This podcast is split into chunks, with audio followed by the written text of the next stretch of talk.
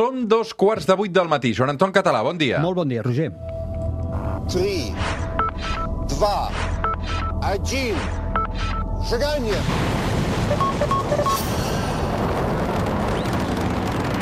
One small step for man, one giant for mankind.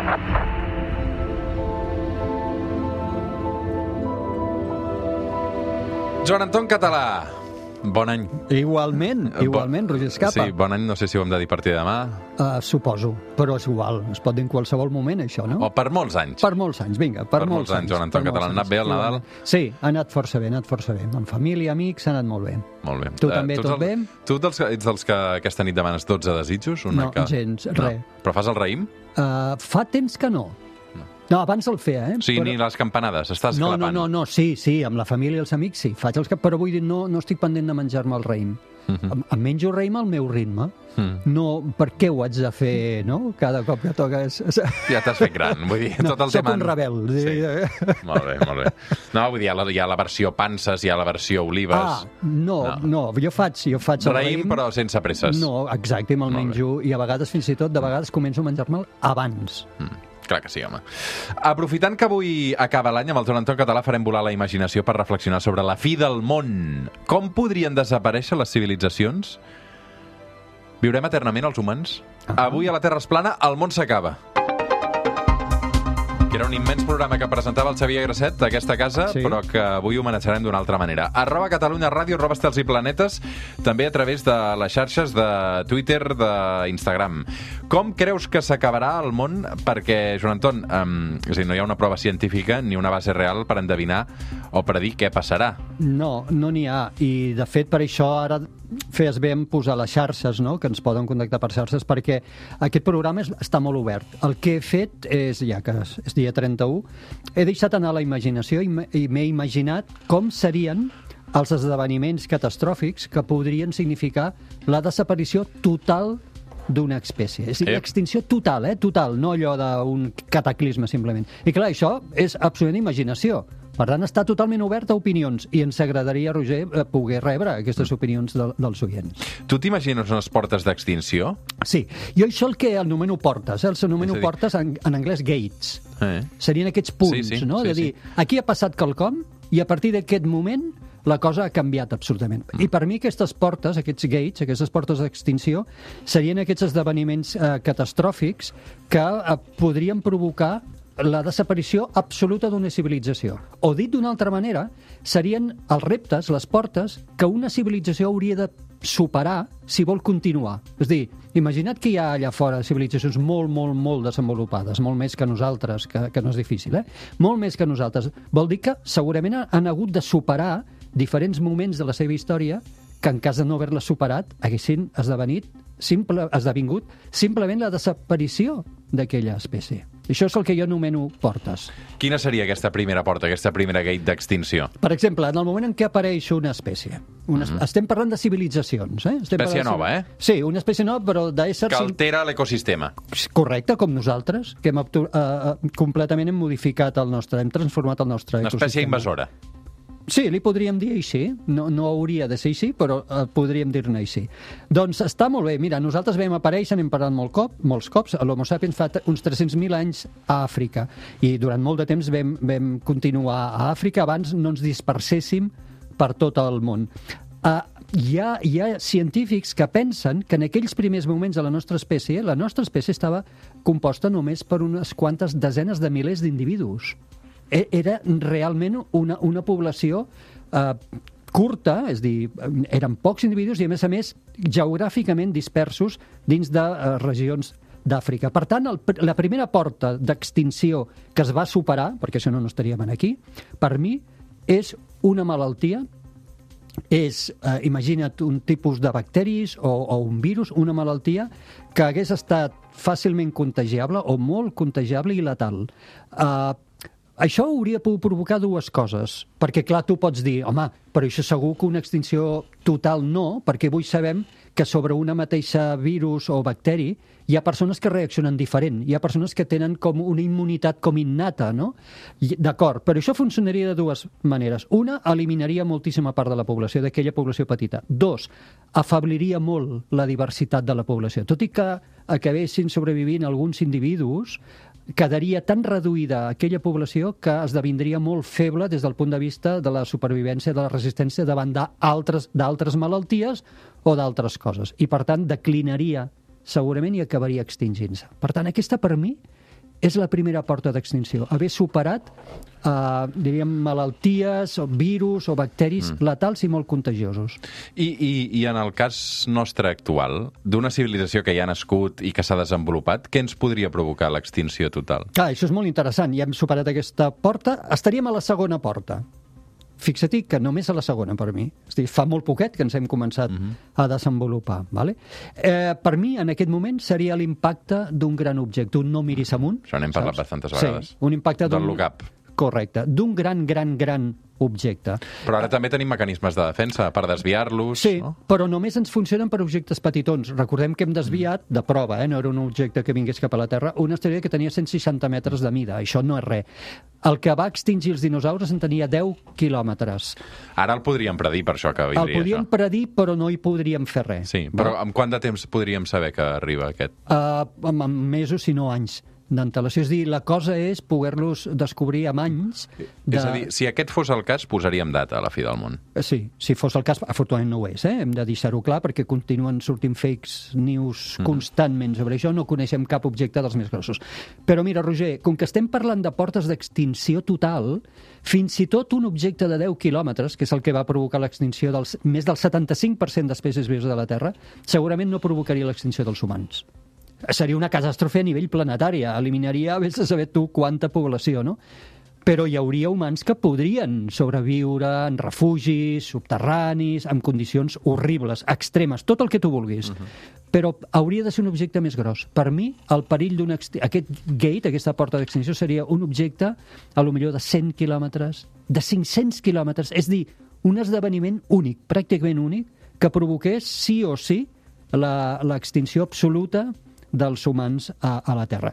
És un perill poc probable, però, però existeix.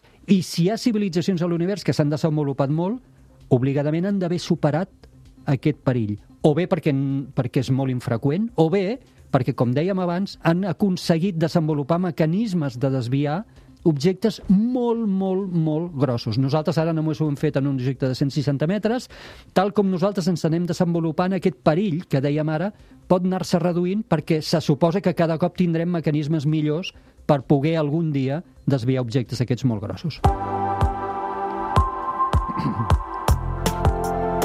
Som al suplement, som a Catalunya Ràdio i a la Terra Esplana preguntant-nos per la fi del món. Mm, pel que fa a l'univers, més enllà d'aquest gran impacte, eh, hi ha alguna altra cosa que pugui provocar la nostra extinció? Sí, per exemple, podria, podria ser l'arribada de la radiació d'alta energia d'una explosió de supernova, d'aquests estels molt massius, massa pròxima a la Terra. Però jo això ho veig improbable també com una causa d'extinció total. Eh? Perquè recordem que estem parlant d'una extinció total. En primer lloc, perquè una civilització ja amb l'estadi de desenvolupament com la nostra tindria, tindríem manera de protegir-nos al, almenys part de la població. Val? I, per tant, ja no estaríem parlant d'una extinció global. I després, perquè els estels més massius, aquests que provoquen aquestes grans explosions, eh, viuen pocs, mm. poques eh, desenes de milions d'anys. Vol dir que en una civilització ja desenvolupada, amb una vida que en aquesta Terra, en aquest planeta, porta 4.000 milions d'anys, és difícil, de fet, no coneixem ningú estel massiu massa a prop. Perquè ja han mort. Aquests ja van morir fins i tot abans que aparegués la vida a la Terra. Per tant, és improbable que a la vora d'una civilització a l'univers, una civilització desenvolupada, massa a la vora hi hagin estels massius que puguin provocar aquests esdeveniments. I, I amb la guerra entre Rússia i Ucraïna, eh, també una de les idees que es va posar damunt la taula era la guerra nuclear, no? Sí, però jo això no crec que sigui una porta d'extinció, almenys en aquest moment, perquè, a pesar de la malifeta que faria una guerra nuclear, no cal, no cal dir-ho, com que estem parlant d'extinció total, Uh -huh. tampoc no ens trobaríem davant d'una extinció total. Eh, Hi hauria maneres de que part de la població es protegís, d'acord que el que vindria després seria un desastre. Eh? Seria com tornar a la prehistòria. Però no crec, sincerament, que en aquest moment una hecatombe nuclear fos una causa d'extinció total de la humanitat. Si et sobressin els calés per les orelles, Joan Anton Català, i fossis molt, molt, molt, molt ric i visquessis en una mansió, um, en aquesta mansió t'hi construiries un búnquer, No. tu? Tinc clar que és la, la darrera cosa que faria. Ni se'm passaria pel cap fer-ho. No. Primera, perquè sóc optimista. Després, perquè viure després en quin món, saps? És a dir, és el que diem ara. És a dir, si s'ha d'acabar el món, jo vull acabar amb ell. A, a veure, sobreviure en condicions extremes que es podria fer, és el que hem, hem dit, per després tornar a sortir al cap d'uns anys i trobar-se un món absolutament transformat i destruït, doncs no sé què vols que et digui. No, no, no, no seria la meva prioritat construir aquest búnquer, no. Mm. Fa tres anys, amb la pandèmia de la Covid, més d'un va creure també que s'acabava aquest món i, um, i que la Covid era el primer senyal que els humans estem poc preparats i poc protegits davant dels virus i les bactèries. Mhm. No sé si aquests virus i aquestes bactèries també podrien ser un, No ho crec, no ho crec. un Roger. element que acabés amb tots nosaltres. No ho crec. De la mateixa manera que dèiem altres causes anteriors que tampoc no ho eren, perquè eh, sabem, i ho havíem explicat, que la reacció d'una persona davant d'una mateixa malaltia és diferent. Hi ha factors genètics que farien que hi hagués part de la població que sigui, fos més resistent no? en aquella cepa o en aquella varietat de bactèria o de virus. No crec que en aquest moment aquesta sigui la porta d'extinció. Per tant, si resumim, penso que en el moment del moment actual, a l'actual, i durant forces anys, la porta d'extinció més probable és l'arribada d'un objecte molt massiu. Som al suplement, som a Catalunya Ràdio, avui amb el Joan Anton Català imaginant la fi del món Sí? i esperant aquest objecte supermassiu. Que no, no, esperant-lo, no, que no, arribi, sisplau.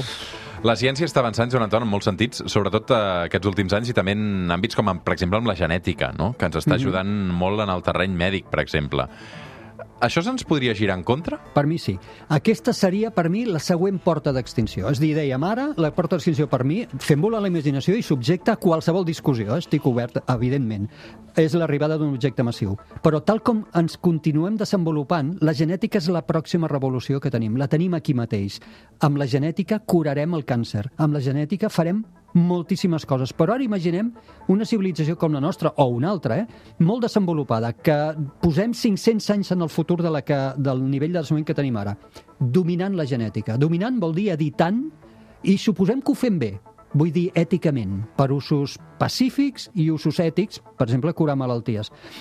Podria ser que en algun moment cometéssim un error amb la manipulació de la genètica, un error que ens passés totalment desapercebut, que provoqués eh, que la raça humana, que l'espècie humana s'afablís?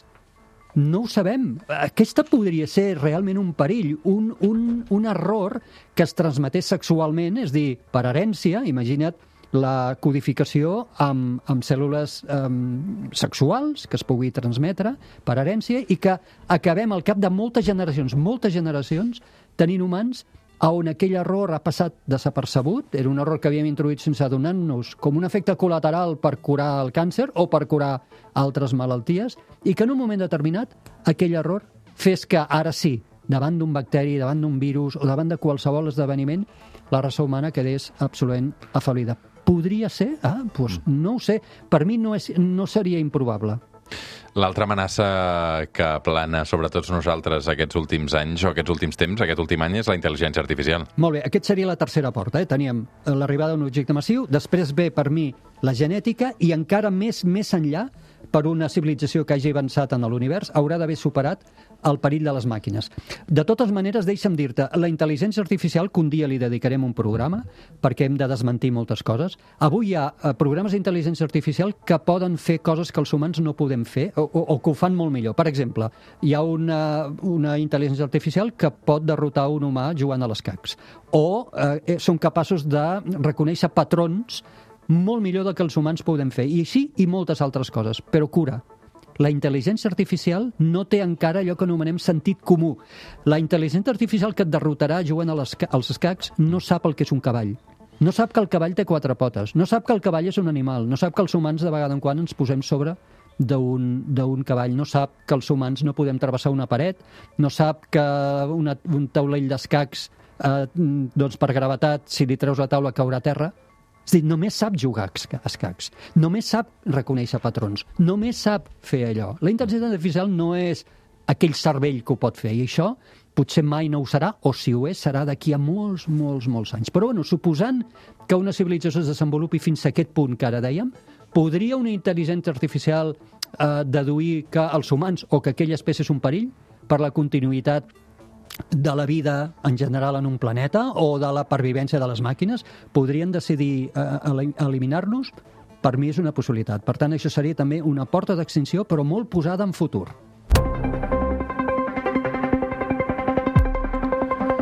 A la ficció hem vist la fi del món moltíssimes vegades, Joan Anton, eh, i una de les solucions que donen aquesta fi del món o fi de la civilització és la hibernació. Sí. Eh? Eh, passar un temps adormits fins que s'hagin superat els obstacles i tornar a sortir. Porta següent d'extinció, Roger, porta següent. Imagina't, hem anat superant totes, eh? I ens hem desenvolupat moltíssim en el futur. Hem arribat a superar l'impacte d'un objecte, hem superat la genètica, hem superat la porta d'extinció de les màquines i ens trobem en un moment en què ens hem desenvolupat tot, tot que millor ens falten fonts d'energia en aquest univers. O que ens enfrontem a l'envelliment del nostre sol, mm. nosaltres o una altra civilització. Pot ser que alguna civilització molt avançada decideixi hivernar-se tot esperant condicions millors en aquest univers. Imagina't, hivernar-se, posar-se dins de naus i enviar aquestes naus viatjant a l'univers, això és l'argument també de pel·lícula, no? En espera d'arribar en algun lloc més, més propici, més idoni, adobat, perquè eh, aquella civilització per, pugui tornar no? a, a, a, a, a reixir. Això podria ser, per què no? Eh, eh, I, per tant, aquesta seria una porta d'extinció, perquè què li podria passar a aquestes naus? Què li podria passar a aquesta civilització hivernada? Ens podem imaginar moltíssims esdeveniments que podrien eliminar absolutament el que quedi d'aquesta civilització que està hivernada i viatjant per l'univers. No em diguis que no és inspirador pensar que en aquell moment pugui haver no, naus a l'univers viatjant amb llavors de civilitzacions dins. Extraordinari. Sí, és brutal. Mm. I, I amb tot això que estem descobrint sobre ciència, sobre astronomia, sobre física, sobre química, sobre tecnologia, Joan Anton, amb tot el que sabem ja del món i de l'univers, creus que arribarà un dia en què ho controlem tot tant que podrem modificar el mateix món? I aquesta seria la darrera porta d'extinció. Fixa't. És a dir, les seves mateixes lleis i les regles i fer-les d'algunes Sí. maneres nostres, adaptar-lo al que a nosaltres ens convingui? Podria ser. Això seria el que jo anomeno una civilització déu. La civilització dels déus. Què és? Hem avançat tant, imagina't una civilització que hagi sobreviscut milions d'anys, cosa que ho veig difícil en el cas dels humans, eh? I hagis arribat a dominar tant les lleis de l'univers, de la natura, que fins i tot les puguis modificar. T'imagines civilitzacions que puguin crear planetes, que puguin crear vida en un planeta, que puguin estudiar com es desenvolupa la vida en el planeta, que puguin crear altres civilitzacions i que puguin decidir l'exterminació absoluta d'allò que han creat. Aquesta per mi seria el que jo anomeno civilitzacions Déu. I aquestes mateixes civilitzacions Déu que podrien provocar extinció total d'altres civilitzacions que ells hagin creat, també podria significar la seva pròpia destrucció. Novament, un error amb la modificació dels paràmetres de la natura. Un error no volgut, eh, no intencionat amb les modificacions de les lleis de l'univers, que facin que l'univers i la natura es desenvolupi cap a un carrer sense sortida i aquella civilització Déu, Déu desaparegui perquè hagi comès aquest error. Per mi aquesta seria l'última porta d'extinció. Extraordinari, el Joan Anton Català avui preguntant-nos si s'acaba el món, avui que és l'últim dia de l'any i que, per sort, eh, demà encetem una etapa nova en què una vegada més el Joan Anton Català hi tornarà a ser present. Sí, voldria només fer un, un comentari, comencem un nou any. Voldria enviar un missatge de molt amor i molta estimació a la Nina, a la Lídia i a la Mireia, la companya i les dues filles del millor, un dels meus millors amics que ens va deixar fa 3 anys al mes de desembre. Una abraçada per totes elles eh, i els millors desitjos pel 2024. Joan Anton, moltes gràcies. A tu. Ara tornem al suplement.